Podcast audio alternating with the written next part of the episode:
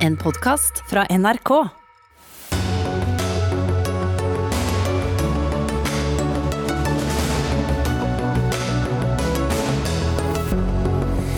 «16 måneder med nullrente er nå historie. I dag gikk vår sentralbanksjef eh, imot det andre kolleger i Europa har gjort så langt, og satte opp renten og varslet enda et eh, rentehopp før jul.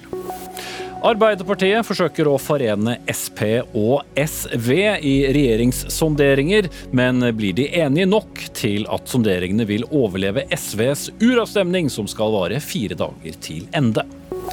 Er det et demokratisk problem at nettstedet HRS mister statsstøtte, slik Frp mener? Og hvorfor valgte den sittende regjeringen å gjøre det nå, idet den uansett nærmer seg rulleteksten? Og det skrives over 100 saker i måneden om alle kjendiser som må snakke ut om den såkalt tunge tiden. Er det virkelig det som må til for å selge bøker og plater? Ja, dette er noen av sakene i kveldens Dagsnytt 18 med Espen Aas, der vi også skal snakke om alle milliardærene vi kan smykke oss med her i landet om dagen. Men øh, nå skal det handle litt om det motsatte, kanskje. Vi skal i hvert fall snakke om renten. Det kom neppe som noen overraskelse på noen, men det kan bli merkbart for flere etter hvert. Dagens renteøkning fra Norges Bank på et kvart prosentpoeng. Vel så interessante er kanskje varslene om at det skal komme flere. For det blir en ny økning trolig i desember, og enda flere til neste år. Og Sentralbanksjef Øystein Olsen, om dagens rentebeslutning i seg selv kanskje ikke medfører eh, særlig økt bruk av verken havre, lefse eller striskjorte, så må i hvert fall mange familier regne med at eh, det kan bli noen tusen mindre å rutte med fremover, også når eh, økt rente skal kombineres med historisk høye strømpriser og historisk høye bensinpriser. Er du bekymret for husholdningene, eller tenker du at dette får de klare? Ikke bekymret eh, samlet sett for husholdningssektoren. Eh, man skal huske på at det, det at det nå er eh, tid og rom for å starte en gradvis normalisering av renten fra et ekstremt lavt nivå, nullrente, det er et godt tegn. Det er fordi vi er inne i en markert kraftig gjeninnhenting i økonomien. Eh, aktivitetsnivået i økonomien er tilbake på nivå før pandemien. Arbeidsledigheten er på vei ned mot et mer normalt nivå. Og når økonomien normaliseres, ja, da er det riktig å, å, å starte en gradvis normalisering av renten fra et uh, historisk lavt uh, nivå.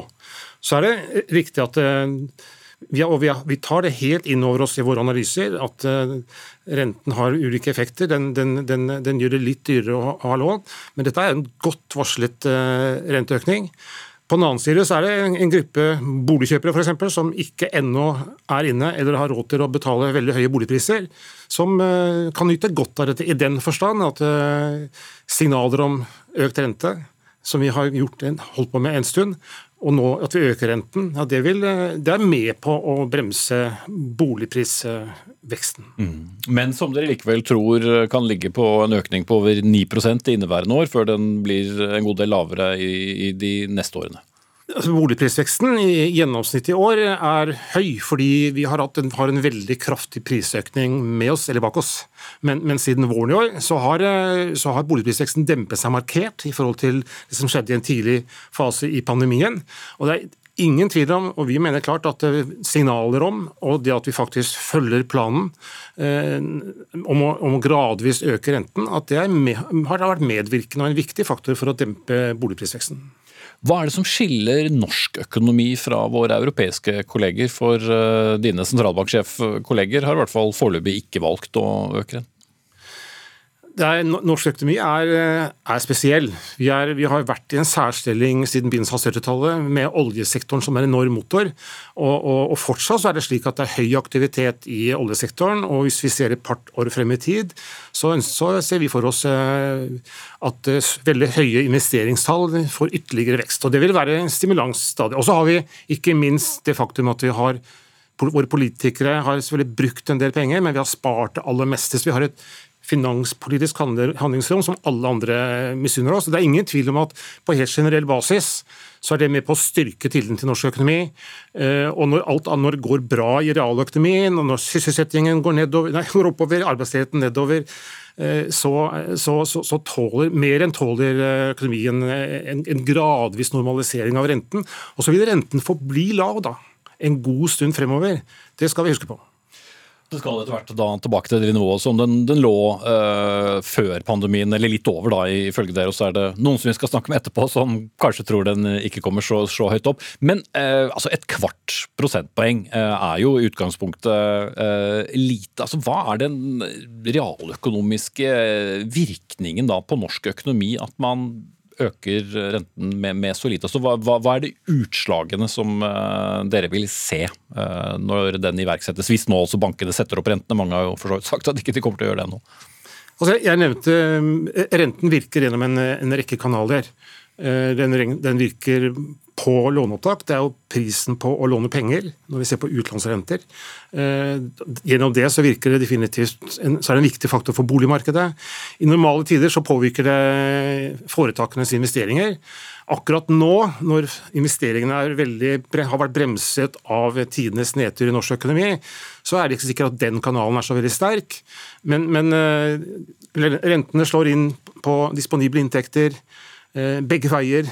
Eh, renten er en faktor som påvirker eh, renten i, forhold, i norsk rente i forhold til utlandet, påvirker valutakursen. Og, og, på ditt spørsmål om å tidlig, være tidlig ute, så er, er, det riktig at eh, vi, vi får nå en, en, en, rentedifferanse i forhold til utlandet som, som, gradvis øker. Og igjen så er det noe vi hensyntar når vi setter renten, for å unngå at altså Vi regner med at kronen vil styrke seg noe fremover, fra et ganske svakt nivå. Men det er noe vi hensyntar når vi setter renten. og er én grunn til å gå gradvis eh, frem. Så vil jeg legge til at eh, vi er slett ikke alene i verden som sentralbank. Eh, det er interessant å oppleve. I går så signaliserte den amerikanske sentralbanken at de kom, kom til å lette på pengepolitikken i vid forstand i løpet av inneværende år. Kanskje begynne å øke, å øke styringsrenten sin til i løpet av 2022. Og interessant at deres anslag på fremtidig rente er til forveksling lik vårt anslag mot slutten av perioden på 1,7. Bank of England for øvrig eh, kom med noen nye signaler i, i dag i samme retning. Så jeg sier ikke at andre land kommer etter, vi er en liten åpen økonomi. Look to Norway. Ja. jeg sier takk til deg, sentralbanksjef eh, Øystein Olsen. Eh, Jan Ludvig Andreassen, sjeføkonom i Eika-gruppen med oss på, på, linje. Du har omtalt rentehevingen på følgende måte i Finansavisens nettutgave i dag, med tre ord prematurt, unødvendig og farlig. Hvordan eh, er den det? Vel, først, først, må jeg si Det er en ære å følge på og kommentere en av våre store sentralbanksjefer nå, som, som du sier er på rett på rulletekstene og gjort en stor bragd både i forvaltning før og som sentralbanksjef. Men det er altså fire områder som jeg tror er veldig ille med denne hevingen. Da. Eh, og Det ene er jo at eh, vi har ikke jeg vil i hvert fall si det sånn at Nøkkeltallene er ikke sånn at det er uh, ut, helt sikkert at vi trengte denne hevingen. Inflasjonen er jo lav osv. Og Sverige, som har uh, sterkere tall, uh, de velger å holde renta uendra til 2025. Og jeg har mye mer sans for det svenske opplegget. Mm. Det andre, det andre, hvis jeg bare følger på kjapt det er prematurt, fordi eh, vi burde stramme til finanspolitikken først. Og det kommer jo nå innstramming i finanspolitikken. Både bortfall av kompensasjonsordningen og permitteringsordninger. Det viktigste det er dette her er høyrisiko. risiko. det er jeg og Stefan Engles er enig i, det er jo at det, verden flommer over av penger som leiter etter et sted å være. Og det blir mye mer av dette her som følge av de store gavepakkene under covid-19. Så pengebingene er enorme, og de leter etter et sted å putte pengene. og Norges Bank har jo lagd et slags sånn lysende Soria Moria for hele, alle verdens investorer. Kom til Norge, putt penga her. Mm, for du får god avkastning, for her er det ikke nullrente, men eh, litt mer. Og sist, men ikke minst, så ødelegger det for det grønne skiftet. Så jeg var på, på industrikonferanse i dag. Og Norge og Sverige de kniver om en batterifabrikk. Og det er helt klart at eh, Med denne type forskjell i pengepolitikken, så kommer svenskekrona til å falle, norske krona til å stige. Uh, og batteritilhengerne i Sverige vinner den kampen. Okay, vi, vi, vi... Det er så unødvendig. Det er ingen grunn til å gjøre dette her.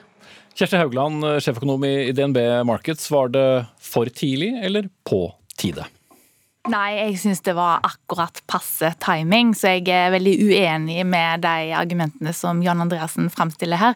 Det er klart at Hvis det i verste fall skulle gå sånn som eh, han eh, hevder her, at eh, krona styrker seg på en problematisk måte, så vil jo òg Norges Bank ha muligheten til å stoppe opp, eventuelt gjøre retrett, hvis det skulle bli nødvendig. Vi kan ikke bare i påvente av noe som eventuelt kan komme til å skje, holde tilbake når norsk økonomi åpenbart er i en mye bedre eh, tilstand nå enn han har vært på lang tid. Vi er ikke helt tilbake igjen til der vi var før covid eh, slo ut, f.eks. på arbeidsledigheten, men vi er ikke så veldig langt unna. og Da er det òg rett å komme oss vekk fra kriselåg rente. Mm. De fleste andre økonomer som har uttalt seg i dag, eh, er vel nærmere Haugland enn deg, Andreassen. Hvorfor har du rett? Eh, de er kjempeflinke folk osv. Nei, jeg tror de, de lever litt i, i, fortiden. fordi den verden jeg lever i, og synes Stefan Ingves og alle andre sentralbanksjefer utenom eh, vår egen tenker på, er jo at eh, vi trenger Alle jobber jo for svake valutakurser. De trenger eh, det de kan makte å skape av vekstimpulser. Og det er Nettopp derfor er det så farlig at Norge skal stikke seg ut. Det er sånn, sånn ene og alene med denne renteøkningene. Og så er det i teksten det er en fantastisk velskrevet sak, eh, det der pengepolitiske rapport av, Norges beste økonomer. Det er, all, det er, veldig lite om eh, valutafarer og veldig nonsjalant behandling. fordi Poenget er hvis den krona begynner å få litt fart, så er, har vi ikke noe mote med vi har ikke noe rentekutt som monner på en eller annen måte. Så hvis verdens investor blir først forelska i krona, da kan krone euro gå til ni blank, åtte blank og sju blank. Mm. Uten at norsk kredittverdighet trues av det, for vi har jo så bunnsolide statsfinanser. Okay. Så det åpner en sånn Pandoras eske jeg tror vi har poenget, Andreassen. Kjersti Haugland. Ja, jeg tror jo at eh, altså før i tida, eh, hvis vi snakker om eh, før i tida, så er det definitivt sånn at rentedifferansen mot utlandet var veldig styrende for eh, kronekursutviklingen. Men de siste åra, nå har vi hatt flere år der det har vært veldig liten sammenheng mellom rentedifferanser og kronekursutviklingen, og heller så har egentlig trenden i valutamarkedet generelt vært sånn at krona mer og mer blir sett på som en sånn eh, risikostyrt eh, aktiva. At eh, i tider der det blåser i internasjonale finansmarkeder, eh, nedgang i aksjemarkedet osv., så, videre, så svekker krona seg, og vice versa. Og det var jo det som gjorde at Norges Bank da kunne gå ganske solo i forrige runde med renteoppgang, uten at det fikk en eh, sånn effekt på kronekursen at den ble problematisk sterk heller tvert imot. Da. Og så gjenstår det jo å se om temaet med rentedifferanser vender tilbake som en styrende faktor i valutamarkedet, men vi kan i hvert fall ikke si at den linken er der nå. Mm. Eh, vi må runde av og bare spørre om en annen ting enn, en bare den sterke kronen, eh, Kjersti Haugland. For eh, dere er ikke helt enig i, i rentebanen til, eh, til eh, Norges Bank. altså Dere tror ikke at det blir like mange hyppige uh, rentehevinger pga. hvordan dere ser på norsk økonomi fremover. Hva er din begrunnelse? Ja, eh, vi er enige med Norges Bank sin, eh, sitt anslag om at eh, en kommer til å klare å heve renta helt opp til 1,25% ved utgangen av neste år. Men deretter så skiller vi lag, for der vil Norges Bank der har de planer om å heve renta videre opp mot 1,75% mens vi tror at vi blir stående på 1,25% Og Det har litt med dette som Øystein Olsen nevnte om at vi har vært i særstilling, og vi er jo fortsatt i særstilling for all del, men de veldig sterke vekstdriverne for norsk økonomi de er ikke like sterke lenger. Både når det gjelder drahjelp fra statsbudsjettene etter kraftige, mange år med kraftig økning i oljefondet, veldig sterk lønnsvekst i forhold til utlandet. De er der ikke lenger. og Da blir norsk vekst mer som i andre land. Og jeg har derfor ikke trua på at eh, vi kommer til å komme tilbake i en situasjon der eh, norsk økonomi vil ha behov for eh, litt innstrammende pengepolitikk. Tvert imot så tror jeg at de vil kunne ha hjelp av litt, grann, litt stimulanshjelp fra renta vil være ønskelig i åra som kommer. Ok. Eh, men Cecilie Rangen Becker, om lag 109 000 lånekunder fikk i dag en eh, beskjed som de aldri har fått før, nemlig at nå skal renta opp. Jeg snakket selv, selv med en, eh, og, og spørsmålene som reiser seg hos dem er hva skal jeg gjøre med det? Og hva er svaret? Økonomikommentator Cecilie Lange Becker. Nei, Svaret er jo det er jo så kjedelig som at du må jo ringe til banken din og så må du begynne å, putte. Dette er jo, jeg tror det, er ganske mange av oss som i de siste årene har prøvd å peke at peker på at uh, hvis du virkelig skal gjøre noe bra for lommeboken din, så er det ikke å uh, slutte å drikke kaffe, sånn som veldig mange anbefaler, men heller ta den telefonen til banken og ringe og høre hva er det man kan få til, og eventuelt da også bytte bank. Det finnes også mange uh, foreninger man kan være medlem i som gir deg lavere rente osv. Så, videre.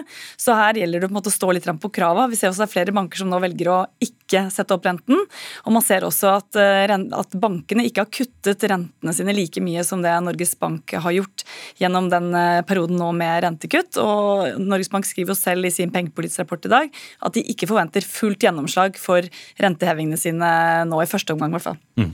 Men så har vi da hatt en lang tid med null rente, eller i hvert fall veldig lave rente på, på, på lånene våre. Vi har hatt historisk lav strømpris og også andre energipri, energipriser, der var det konsonantene, eh, har vært lave. Nå har det snudd. Eh, opp mot 20 kroner literen for, for bensin, historisk høye strømpriser, og så kommer dette på toppen. Så det blir noen tusen færre for en gjennomsnittsfamilie på sikt. Det er det ingen tvil om.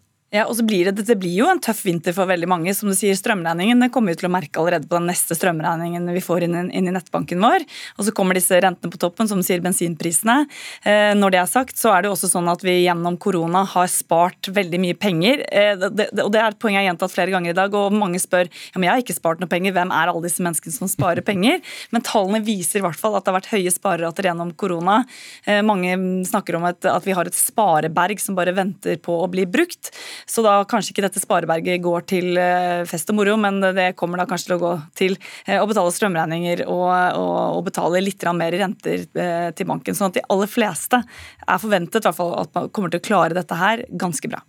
Så er det mange som vil huske langt høyere renter, og, og i hvert fall de som hadde lån før 1992. Og skattereformen kunne jo ha, ha renter opp på 17 effektive prosenter. Vi er langt unna det nå, men normalrente er det mange som spør seg hva kan være. Har du noe godt svar på det?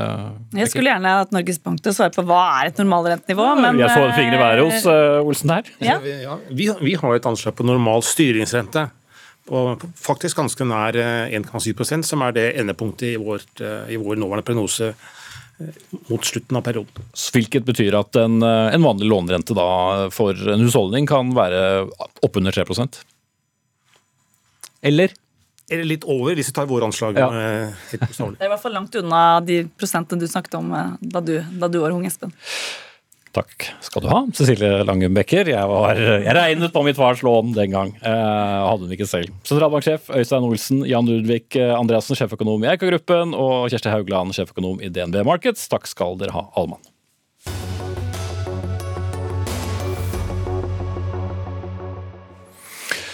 Så møttes de eh, omsider i dag, da, trioen bestående av eh, Ap, SV og Sp de berømmelige regjeringssonderingene i Hurdal. For i underetasjen på Hurdalssjøen hotell har partilederne begynt diskusjonene der eh, de kan komme frem til det som skal bli neste regjering, bestående av de samme tre partiene. Men om det blir noe hurra eller eh, hurlumhei i Hurdal, det vet vi jo ennå ikke. Men eh, Lars Nehru Sand, eh, vår politiske kommentator, du er med oss fra Hurdal. Du, det er klart det er begrenset hvor mye informasjon som, som tilflyter oss i mediene. Men det var en samling med partilederne i morges. Hva er det de først og fremst jobber med nå? Nå er det veldig innledende samtaler, hvor målet ikke er å begynne på noen regjeringsplattform overhodet, men å gå gjennom eh, saker, kanskje spesielt de sakene hvor to partier er enige, og det er ett av de tre som eh, er uenige, og se eh, hva smertepunktene, absoluttene, eh, er for eh, det partiet som, som, ikke er enig med de to andre. Eh, for rett og slett å finne ut om det er noe poeng å gå videre og, og lage et felles regjeringsprosjekt prosjekt med alle tre partiene. Mm. Men hvor mye enighet uh, ser du for deg at uh, må, må, ligge der før man kan uh, sitte der med, med, med, et resultat som kan tilflyte omverdenen? Og Det er jo ikke eh, tvil om at for både Arbeiderpartiet og SV så er flertallsregjering et mål. Det er et ønske, og de går også inn i disse innledende sonderingene eh, med nærmest en forutsetning om at man går videre til regjeringsforhandlinger eh, neste uke. For Senterpartiet stiller det seg litt annerledes, og det virker for meg som om Vedum og Arnstad trenger forsikringer om at Senterpartiet vil få store nok gjennomslag, og at eh, SV ikke får gjennomslag som, for, eh, nei, som ødelegger for eh, Senterpartiets appetitt til en trepartiregjering. Senterpartiet ser ikke nødvendigvis på flertallsregjering som det eneste saliggjørende. De eh, tenker at det også kan ha noe for seg med en mindretallsregjering bestående av Arbeiderpartiet og Senterpartiet, som de jo har sagt til det kjedsommelige i mange år at er deres eh, hovedscenario. Men nå uh, forsøker de å finne frem til eh, en mulig løsning, eh, tre stykker. da. Hege Ulstein, kommentator i, Dagsavisen. Vedum sa jo til TV 2, eller i hvert fall meldte de, at, at partilederen i Senterpartiet krever at SV bl.a. dropper da denne uravstemningen om, før det blir noen regjeringsforhandlinger. Hvordan tolker du stemningen i den leiren? Vi får se da, om det er forpostfektninger og spill, eller om det er en, et reelt krav. Um, jeg tror nok at uh, svaret fra SV ville vært at de legger seg ikke opp i hvordan Senterpartiet forankrer uh, uh, sin politikk eller sitt resultat, og forventer da heller ikke at andre partier skal legge seg opp i hvordan SV forankrer et eventuelt forhandlingsresultat i sitt parti. Og det, dette er et landsmøtevedtak, så det er ikke bare bare for Audun Lysbakken å, å legge det i skuffen. I tillegg så er det mange som peker på at SV antagelig har bedre odds for å få flertall for et forhandlingsresultat i en uravstemning blant medlemmene enn f.eks. i et landsstyremøte, som, som ville vært alternativet. Så det kan nok hende at eh, dette såkalte problemet, eller kanskje reelle problemet, blir brukt litt også for å skaffe seg et bedre utgangspunkt i forhandlingene, gjøre seg litt mer kostbar, og derigjennom få gjennomslag for noe man oppfatter som viktig, f.eks. et litt større antall statsråder enn man sånn rent matematisk skulle ha krav på. Snorre Valen, ansvarlig redaktør i Trønder Debatt, men også tidligere nestleder i SV, før du fikk deg en ordentlig jobb. Eh, hva er det som faktisk må til, tror du, for at partiledelsen i, i, i SV skal føle seg trygge på at de har eh, resten av partiet i ryggen, med, med historikken av, eh, av, åtte år i, i regjering frist i minne? Jeg tror det er to ting. Det ene er gjennomslag for, for saker som, som, ble lovt i valgkampen. og Der har jo SV en mye smalere tilnærming nå enn i de dager da jeg var aktiv i partiet. Eh, det skal kuttes klimagassutslipp, og, og forskjellene skal ned, men, men, partiet virker veldig sånn fleksible på hvordan man oppnår det. Eh, og Det gjør nok på én måte SV i 2021 lettere å forhandle med enn i 2005, da man gikk veldig bredt ut og skulle ha en hånd på rattet på det meste, men vanskeligere på de aller viktigste sakene.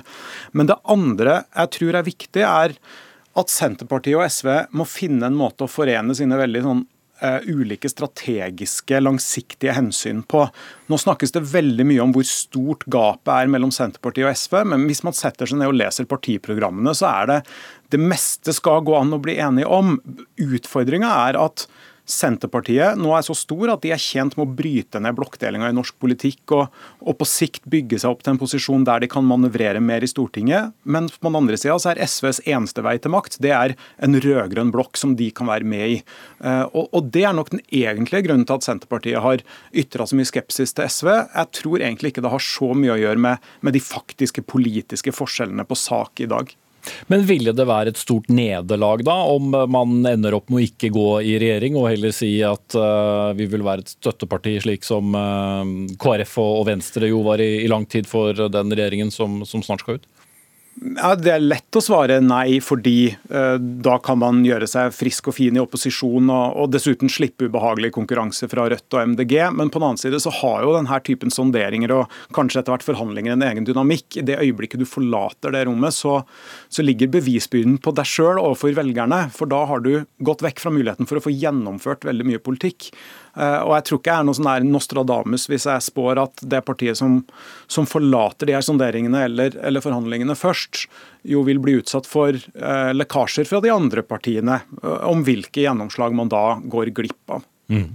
Eh, Lars Nehru Sand, eh, det er jo Støre som har uh, tatt en, en, en, en, lederrolle her. Da, og Du skriver jo i en ytring uh, i dag at uh, mye avhenger av ham. Men er det også mye som allerede er klart? som, som han, han, vet godt at de tre vil, vil ha et godt grunnlag og enighet om? Ja, Det er det jo rundt noen av hovedlinjene. og Det er jo derfor han har tro på at eh, og det oppfatter jeg veldig oppriktig fra Støre, at han har tro på at dette skal eh, kunne gå. Eh, hvordan Eh, Vedum vil oppføre seg, og, hva slags posisjonering Senterpartiet eh, vil gjøre, og vurdering ikke minst av, av et sonderingsresultat, og om de er like enige med Støre om at dette går seg til. Eh, det er nok X-faktoren her, først og fremst. Mm. Hege Ulstein, vi har jo sett nestleder i Senterpartiet, Ola Borten Moe, mer enn én en gang gjenta hva han synes, altså en regjering der SV ikke er med. Kan vi se for oss at uh, det må være noen klare nederlag også for, for, SV for at uh, den fraksjonen i, i, i Senterpartiet skal, skal uh, godta at det blir regjering likevel? Det kan være, men jeg tror at Senterpartiet er aller mest opptatt av gjennomslag for egen politikk, og for å sikre seg de posisjonene som, som må til for at de skal kunne ha kontroll på, på de samfunnsområdene som de oppfatter som, som viktige og sentrale for seg typisk eh, store departementer med store budsjetter som samferdsel, eh, Kommunaldepartementet, olje og energi osv. Eh, jeg tror også at den forhandlingstaktikken som Jonas Gahr Støre har lagt opp til, og som han har snakket om, handler om å snakke seg sammen og være veldig oppmerksom på hva man har felles, eh, at de vil ta Norge i samme retning. Og at han, han, vil nok prøve å få både SV og Senterpartiet til å se at her er det mye de kan få til sammen, og de har mange felles interesser. Det ble jo påpekt tidligere i uka at han har forhandlet med Russland, Hamas og Taliban, så da har han jo et eh, godt utgangspunkt. Uten sammenligning for øvrig, selvsagt. Eh, Snorre Valen, i 2005 så, så ble jo da partiet du var en del av, sendt inn i i, Finansdepartementet, og, var jo der en, en, god stund før Arbeiderpartiet tok over det departementet. Tror du eh, partiet har noen føringer på hvor de absolutt ikke vil denne gang? Eh, det kan tenkes. altså Det ville vært rart om de ikke har gjort seg opp en mening om det. Men, men, jeg vil vokte meg veldig for å spekulere i i så fall hvilke poster det er snakk om. Eh, og Det henger nok ganske mye sammen med hvordan en eventuell regjeringserklæring blir seende ut. Og hvor får man de største gjennomslagene? Hvor har man mest lyst til å komme inn for å ha hånda på rattet under gjennomføring av egne politiske seire? Også det er jo litt åpent. og da, eh, Så jeg tror ingen av partiene egentlig går inn med en sånn ferdig fasit for ønska statsrådssammensetning, men jeg tror spesielt Senterpartiet, som har spent forventningene ganske høyt på å snu en, en flere tiår lang sentraliseringstrend, de må ha en veldig sånn tydelig, ferdig plan for hvordan de faktisk skal få til det. og Det må skje i samspill mellom flere departement. Så de som nok er mest opptatt av det akkurat nå, tipper er Senterpartiet. Mm. Ja, Hegge Ulstein, eh, Det har jo vært snakket om eh, kanskje bør det nå være Senterpartiet som skal sitte i, i Finansdepartementet og få en eh, ansvarliggjøring, men tror du de selv er lystne på det? Jeg er litt i tvil. Eh, jeg tror det ville være lurt av Arbeiderpartiet å plassere et annet parti i Finansdepartementet, sånn som Jens Stoltenberg gjorde i 2005. Men Senterpartiet har litt blanda erfaringer med å styre Finansdepartementet. Eh, nylig avdøde Gudmund Restad var jo finansminister for dem i eh, Bondevik-regjeringen på slutten av 90-tallet. Og Det de opplevde da, var jo at de ble ansvarliggjort og hadde, en, hadde en, en, en, veldig sånn begrensning i politikken fordi de også hadde ansvaret for uh, ansvarlig økonomisk styring. Og Det er litt kilent å kombinere det med store utgiftsdepartementer. så det Eh, det kan være rasjonelt av dem å si at de ikke ønsker det departementet, og, heller vil gi det da til eh, f.eks. Arbeiderpartiet. Mm. Noen må i hvert fall styre eh, det departementet. Eh, Lars Nehru Sand, eh, hvor lenge eh, er det grunn til å tro at de blir værende der du er og holde på med disse sonderingene? Har de ubegrenset med tid? De har jo ikke ubegrenset med tid. Støre sier jo også at han ønsker en veldig kort sondering og heller lengre tid på eh, forhandlingene. Eh, I beste fall for deres del så, så, vil jo en sondering eh, bli ferdig allerede før helgen. De skal uansett ha pause i ja, helgedagene lørdag og søndag. Men det er jo i løpet av begynnelsen av neste uke at, at man kanskje blir tvungen til å, å si tydelig, og at man går over i en forhandlingsfase, og, og da innkaller flere baktropper, og, og, og, at eh, samtalene tar en litt annen form. Eh, men enn så lenge så er det innledende samtaler for å, å sjekke ut om det er mulig å, å danne en flertallsregjering. Mm. Det er jo mange som har forsvunnet fra de to partiene, og, og i SV er det vel egentlig bare Audun Lysbakken eh, igjen som har statsråderfaring, i hvert fall av, av, stortingsgruppa. Ofte henter man jo inn tidligere statsråder. Tror du vi får se noen comeback her, Ulstein? Det, jeg hørte Kristin Halvorsen på Politisk kvarter i dag tidlig. Da tenkte jeg at hmm, kanskje, kanskje, det kan være grunner til å hente inn henne. Hun er jo en veldig dyktig og erfaren politiker. og det det er på en måte to sider ved det òg. På den ene siden så har du et ønske om å bygge opp nye folk, gi folk erfaring og se framover for partiet. På den andre siden så kan det være nyttig med en eh, slugger som Kristin Halvorsen, som er en rå maktpolitiker når hun vil det, og vet hvordan hun skal få gjennomslag for politikken. Så jeg, jeg tror ikke de har tenkt seg ferdig på den type ting. Jeg tror knapt de har begynt å tenke på det engang, annet enn at partilederne skal sitte i regjering. men Eh, hva er det man sier på denne tiden av sånne prosesser, at vi skal ikke utelukke noen ting? Hva tror du, Snorre Valen? Er det sånn at eh, mange tidligere SV-ere følger ekstra godt med på, på telefonen fremover? Ja, det, det, det, mistenker jeg, og jeg ville ikke blitt overraska over at tidligere SV-statsråder går inn i regjering. Men det alle de tre rød-grønne partiene nå har til felles, er jo nettopp det at det er åtte år siden de har styrt landet sist. For Arbeiderpartiet er det den lengste perioden Eh, noensinne siden første gang de satt i regjering, at de har vært uten regjeringsmakt. og Det betyr at det er et gap i erfaring og i regjeringserfaring som, som er merkbart i alle de tre rød-grønne partiene. og det, det, tror jeg øker sannsynligheten for at du får noen, noen gamle klassikere inn i, i regjering. da. Eh, nå gjorde man riktignok det i den forrige rød-grønne regjeringa òg, med Sigbjørn Johnsen annet, og Grete Faremo, men, men, jeg tror også det er tilfellet den gangen her. Også ganske enkelt fordi det har vært et generasjonsskifte i alle tre partiene siden forrige gang de styrte. Mm. Vi får i hvert fall sagt Hurdal veldig mange ganger eh, nå om dagen. Takk til eh, Snorre Valen, redaktør i Trønderdebatt, Hege Ulstein, kommentator i Dagsavisen, og Lars Nehru Sand, kommentator her i NRK.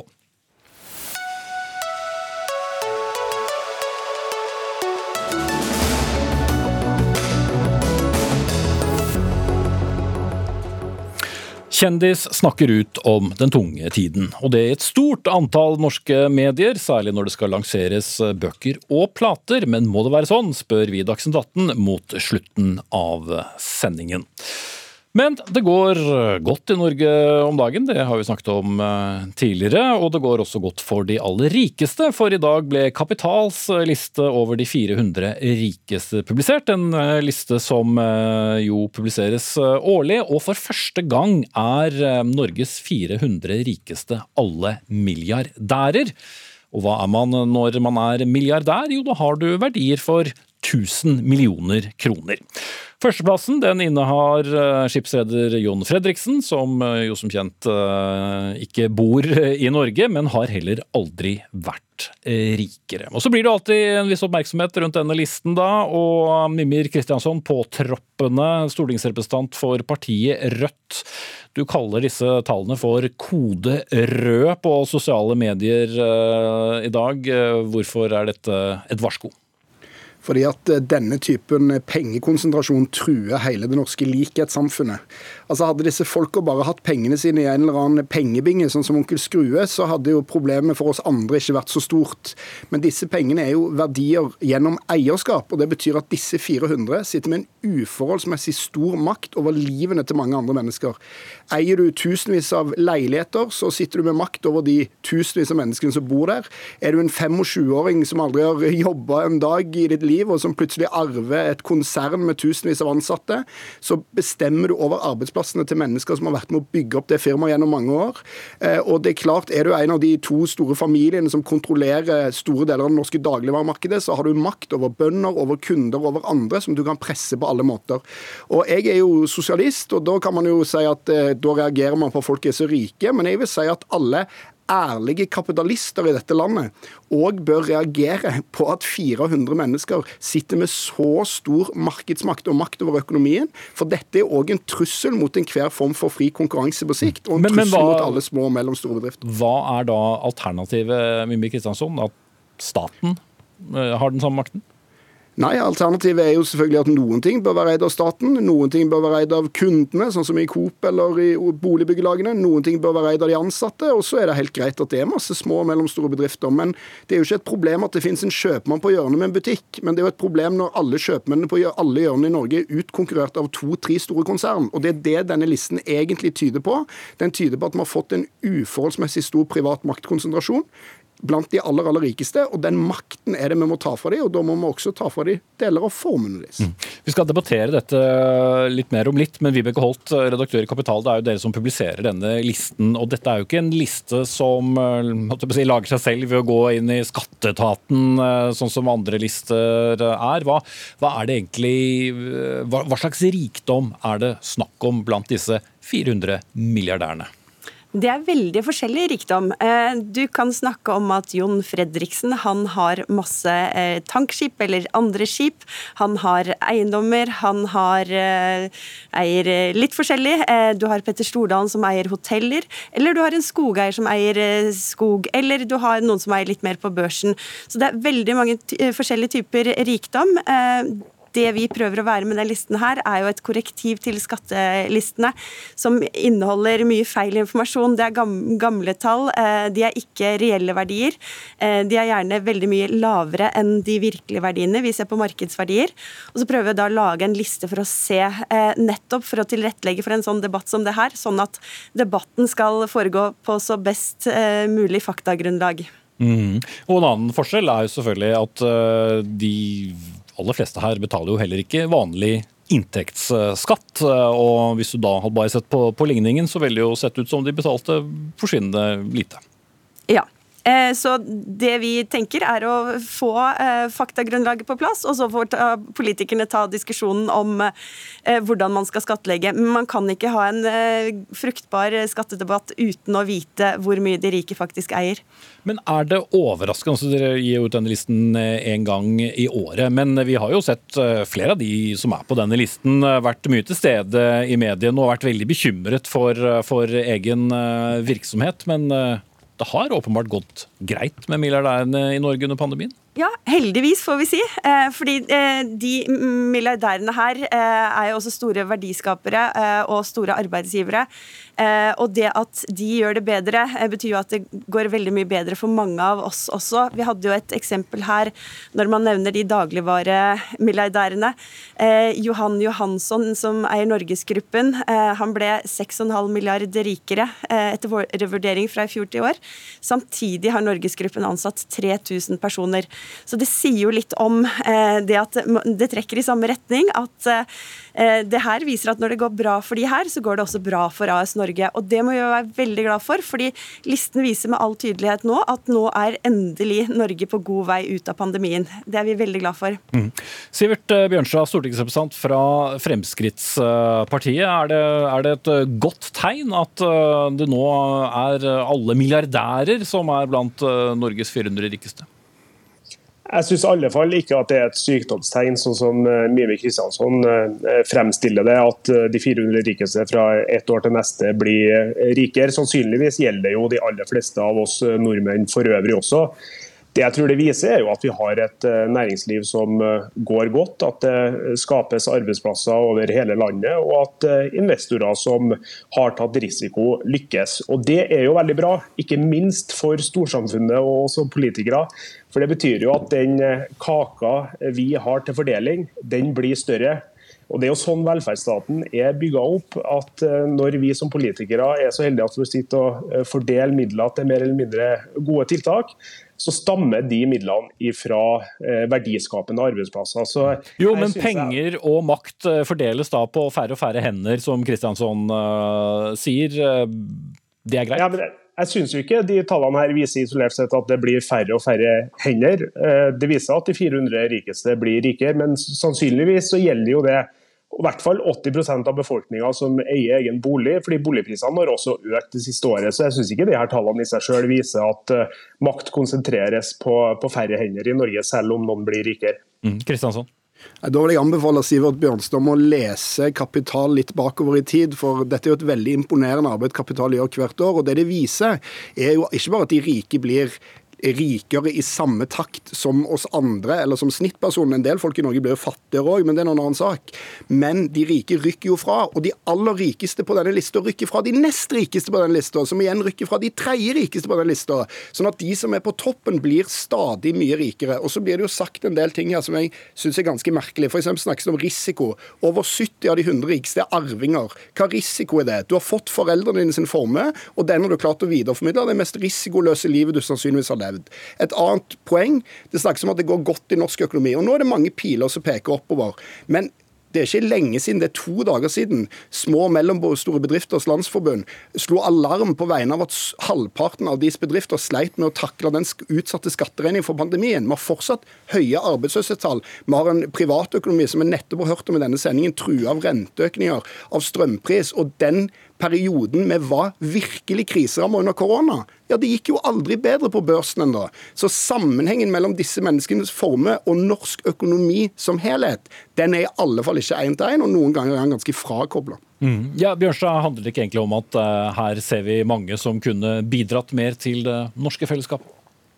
Men, men, risikoen som Emil Kristiansson ikke forstår, handler jo om at man investerer kapitalen sin i bedrifter, i arbeidsplasser, i stedet for at man f.eks. setter pengene i banken. Det betyr at man tar risiko, og det gir gevinster, men det skaper også arbeidsplasser. Langt de fleste av oss jobber jo i verdiskapende bedrifter i det private næringslivet som skaper verdier. Så er det en gang sånn at når man aksepterer at man har et privat næringsliv i et land, eh, så må man akseptere at noen lykkes. Ikke bare må man akseptere det, man bør egentlig heie på det. fordi det er det hele det samfunnet vårt er bygd på, er at noen skaper verdier, noen skaper arbeidsplasser. Det kommer skatteinntekter ut av det, og det gjør at vi som politikere faktisk har noe å fordele. Hvis staten har eid alt, så hadde det blitt produsert utrolig mye mindre, og velferden ville ha gått dramatisk ned. Kristiansen. Altså, Hvis du hører på Sivert Bjørnstad, så er det jo merkelig, for det høres ut som jo rikere de rikeste blir, jo bedre er det for et land. Men det er jo ikke sånn at de rikeste i Norge er de rikeste rikingene i verden. De rikeste rikingene i USA er jo mye rikere de i forhold til folk flest i USA, men det tror jeg Sivert Bjørnstad òg mener er et mye dårligere økonomisk samfunn. Og Norge har jo vært et likhetssamfunn, og Norge er jo fortsatt på mange måter et likhetssamfunn, selv om det går i feil retning. Og likevel har vi jo hatt et kjempevellykka og dynamisk næringsliv i Norge.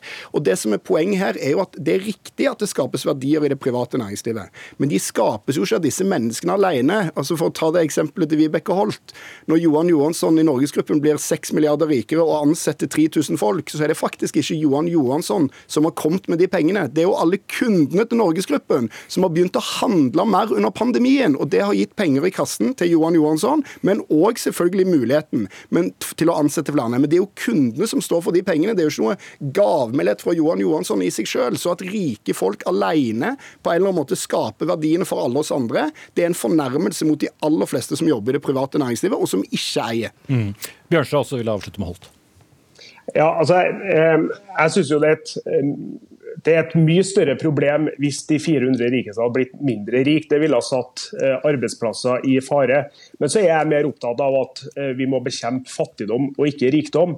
Hver gang eh, den sosialistiske sida, og særlig Rødt og Mimi Kristiansson eh, uttaler seg om de her sakene, så er man monomant opptatt av å ta ned dem på toppen. Jeg tror vi får et mye sunnere, mye sunnere, mye, mye sunnere samfunn hvis vi heller snakker om hvordan vi skal løfte dem nederst ved bordet. Det er ikke en eneste fattig som har fått det bedre av at en rik har blitt mindre rik. Mm, det er jeg sikker på Kristiansson sikkert ville svart på det også, men jeg avslutter med deg, eh, Vibeke Holt.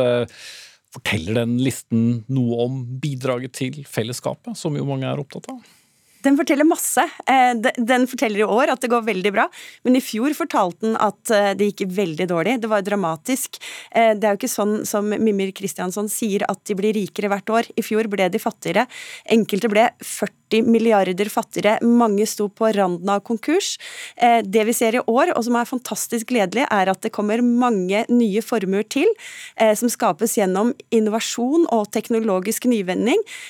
Og det er den type Eh, arbeidsplasser vi sannsynligvis skal eh, leve av fremover. Og det er veldig gledelig. Ok, vi setter strek strekk der. Penger gir som kjent ingen lykke, sies det, men det er kanskje bedre å være rik og ulykkelig enn fattig og ulykkelig. Hva vet vel jeg. Takk til Vibeke Holt, redaktør i Kapital, Mimmi Kristiansson, stortingsrepresentant meget snart fra Rødt, og Sivert Bjørnstad fra Frp.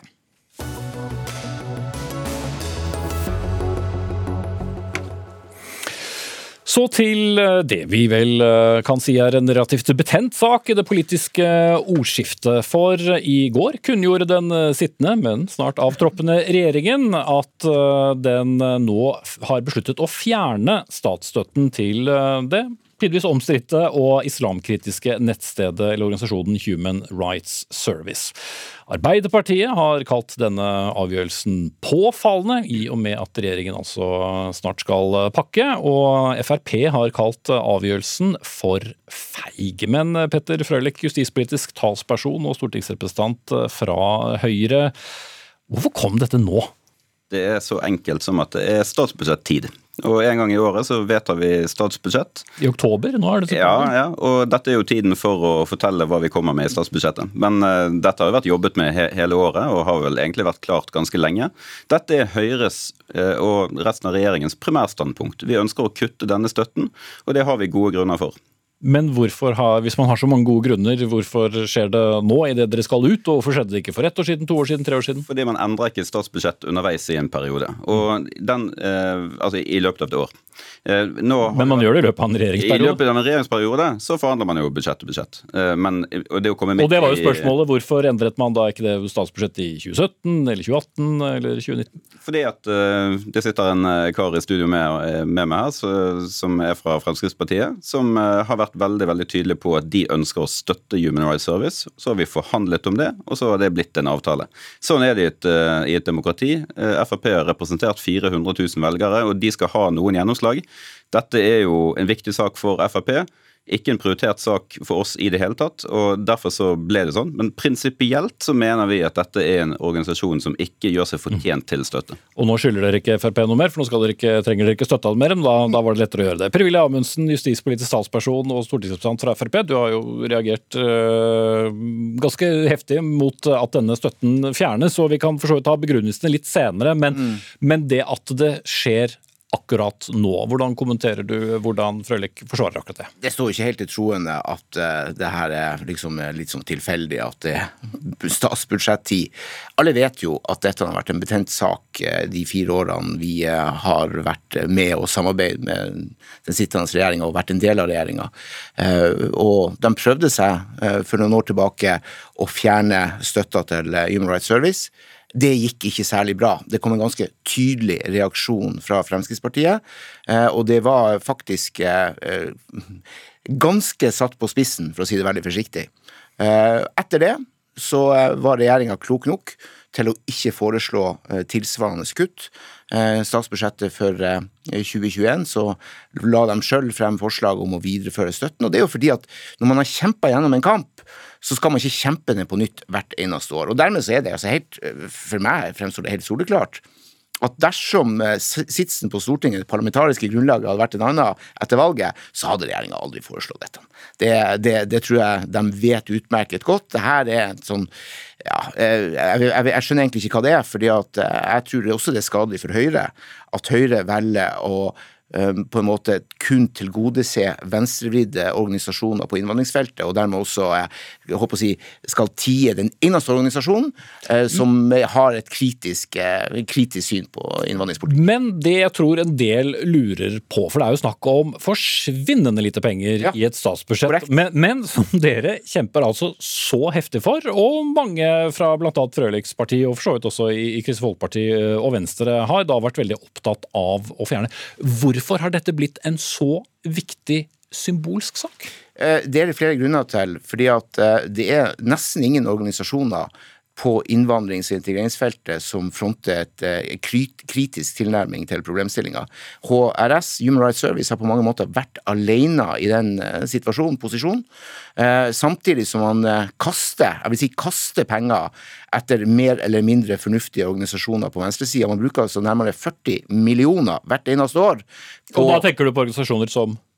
Som Antirasistisk Senter, eh, eh, OMOD, en rekke organisasjoner som står på denne lista, eh, som får 37,5 million. Men et antirasistisk senter er en venstrevridd organisasjon? Ja, det fremstår helt åpenbart. Når du hører hvordan de argumenterer, hvordan de fremmer synspunkter, de ønsker økt innvandring til kongeriket osv., så, videre, så er det ingen tvil om det. Human Rights Service har stått alene og på mange måter fronta et kritisk syn, som jeg tror også er mye mer i takt med det befolkninga oppfatter. Og det skal altså nå stilnes, og det syns jeg er et stort demokratisk problem. Ok, Frølik, Frølich, uh, dette er jo en organisasjon som har blitt støttet av regjeringer, også før deres, uh, rød-grønne regjeringen. Hvorfor var det riktig å fjerne støtten nå? Fordi at de har falt i kvalitet. Det var en gang i tiden eh, at Human Rights Service eh, var en stemme på innvandringsfeltet som i det minste kom med noe nytt. Som kom med rapporter som gjorde grundige undersøkelser. Så du er enig med Amundsen at vi, vi trenger det en, en, en, motstemme? Jeg har veldig lyst på en seriøs innvandringskritisk organisasjon som kan være med og berike debatten, selvfølgelig. Men Human Rights Service har ikke beriket noe som helst de siste årene. Det er bare å ta en titt gjennom hva de leverer og hva de har skrevet. Så ser man at den holder ikke kvaliteten til å forsvare en million støtte på Hvorfor har dere ikke da foreslått uh, penger til noe annet, med litt andre krav for å få pengene, men den, i stedet fjerner den? Hvis den organisasjonen finnes, så tre frem. For det finnes masse penger i et statsbudsjett, og vi ønsker å gi penger til å berike samfunnsdebatten. Ikke bare til de organisasjonene vi er enige med, også organisasjoner vi er uenige med, men det må være et kvalitetskrav et sted. For Det kan ikke bare være sånn at det, har man sterke meninger og skriver spissede, vinklede eh, saker på et internettsted, så skal man ha millionstøtte måte. En annen ting som er ganske problematisk etter hvert, det er at Stortinget er blitt et sted hvor man sitter og gir små millionbeløp til sine favoritter. Til favorittorganisasjonen A eller B eller C.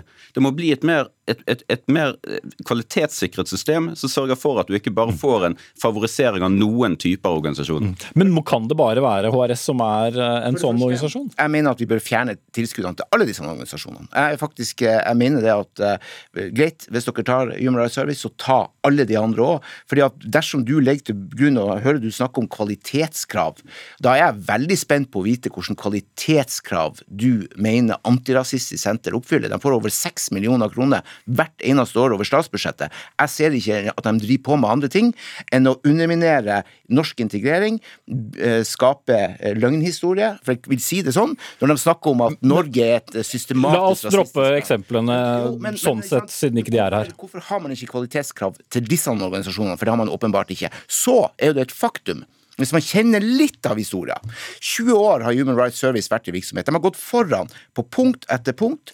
Jo da, og de har vært gjester i dette programmet mange ganger, ja. men poenget var vel da at ifølge dine gamle regjeringspartnere at, eh, at de ikke leverer det de leverte før? Nei, altså Problemet eh, tror jeg er så veldig enkelt at han tillater seg å være kritisk mot islam. Og Det er altså ikke politisk korrekt, dessverre, i det politiske ordskiftet i dag. Det mener jeg er svært beklagelig.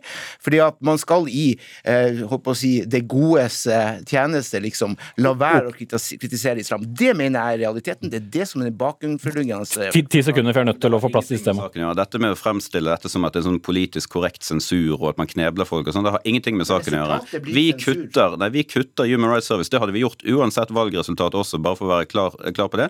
Fordi at det holder ikke eh, seriøsitetsnivået og kvalitetskravet som trengs for å få statsstøtte. Da vil jeg gjerne okay. vite kvalitetskravene på disse andre organisasjonene som åpenbart ikke okay, leverer. Men det har du stilt spørsmålet, og tiden er ute. Vi har et tema til. Beklager. Per Wilhelmsen fra Frp og Petter Frølich fra Høyre.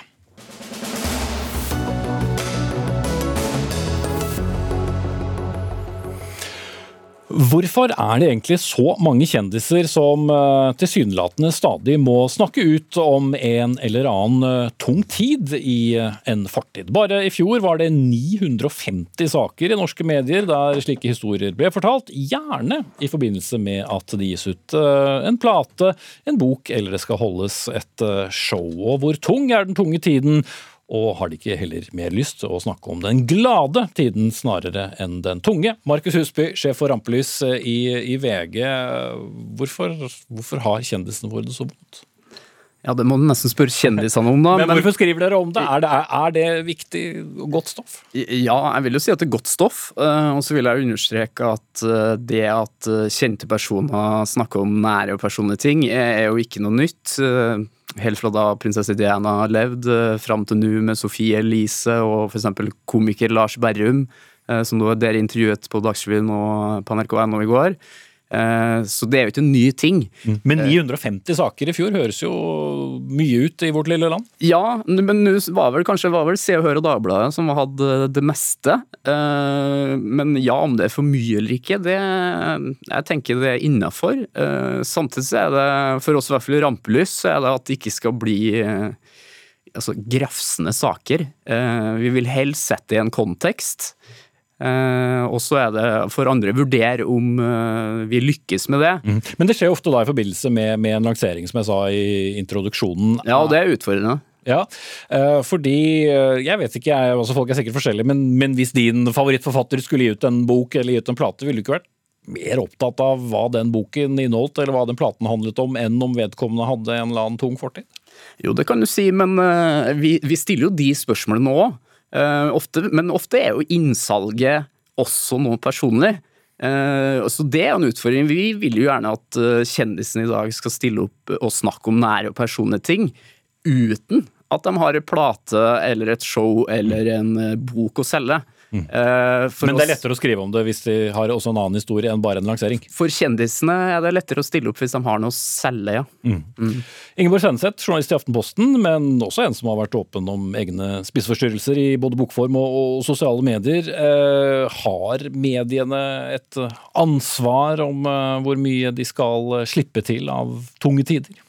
Eh, Definitivt. Eh, Og det er jo nesten ekstra trist eh, nå da når vi snakker om det der å åpne opp om den tunge tida nesten som noe komisk, for det blir litt sånn standard at ok, de skal selge noen ting, og derfor kommer de med den tunge tida. Eh, Og der må vi også være litt varsomme at vi ikke gjør psykiske lidelser til noe som rett og slett er en slags salgsvare, en sånn her eh, reklamepost som folk kan Så vi tar det ikke alvorlig? Eh, Vi må ta det alvorlig, og det er det som kan bli konsekvensen hvis det kobles med at psykiske lidelser bare noe, en slags vegg du møter, og så er det over. For det er ikke sånn. Eh, Og jeg tror, og jeg frykter, at jeg sjøl har vært med på å gi et bilde av at man kan liksom komme seg gjennom, og så blir det en supersuksess. Fordi at vi mangler fortsatt en del av de stemmene som snakker om de mer upopulære lidelsene, de som ikke er like kjent, de som ikke liksom egner seg så godt på noe glossy forsida, eller som har noe med kjendiser å gjøre, eller som Men, men, men det er vel en balansegang mellom å allmenngjøre det som er psykiske plager, og gjøre at flere vil snakke om det, og, og det til å eventuelt da gjøre det til et uh, statsprodukt? Ja, og det er jo nesten en umulig balansegang. Men pressen har et etisk regelverk, eh, men jeg mener også at de kjendisene som stiller opp, de har en moralsk forpliktelse til når du først får den plattformen, så kanskje ikke bruk det bare til å, eller bare hermetegn, da, til å si 'jeg gikk på en smell, så gikk det bedre', men samtidig bruk den plattformen til å si de manglene som er i psykiatrien, f.eks. Det går an å si 'ja, det gikk bra med meg', men det gjør jo ikke det med alle. Eh, Vi ser jo det at eh, tallene ser ikke bra ut, innleggelsestallene ser ikke bra ut, det mangler plasser der, det er ikke alle som får hjelp. Jeg trengte ikke den hjelpa, men noen andre trenger det. Så man kan bruke den plattformen da, til noe faktisk eh, nyttig. Mm. Men hvis da det kommer et innsalg da på, på, på noen som skal lansere noe, men også har en, en personlig historie, Markus Husby, har ikke da altså VG et ansvar til å stille et motspørsmål hvor viktig var denne hendelsen? Hvor stor eh, del av det har det preget av, osv.? Absolutt, og det gjør vi på hver sak vi publiserer. Eh, Vi vil helst sette i en kontekst, eh, og et eksempel som vi diskuterte for noen uker siden, en av Nordens største influensere, Bianca Ingresso, snakka ut om bulimi på sin YouTube. Vi diskuterte det mye. Eh, om vi skulle skrive den saken, og gjorde det, men da sette i en kontekst ved å snakke med Finn Skårderud, som syns at den åpenheten er bra, og som òg er åpen på at det er viktig å skrive om. Samtidig så ser jeg jo en endring i positiv eh, grad der eh, at det opplyses mer om hvor en kan få hjelp i disse sakene òg, og det ser jeg norske medier er flinkere til. Jeg må sette strek der, vi får ikke snakket ut om dette. Gro Arnberg var ansvarlig for sendingen. Heili Svensson hadde hadde tekniske ansvaret. Jeg heter Espen Aas. Gjensyn i morgen.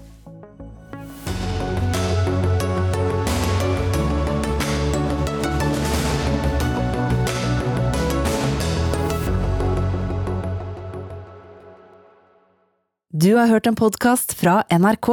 Hør flere podkaster og din NRK-kanal i appen NRK Radio.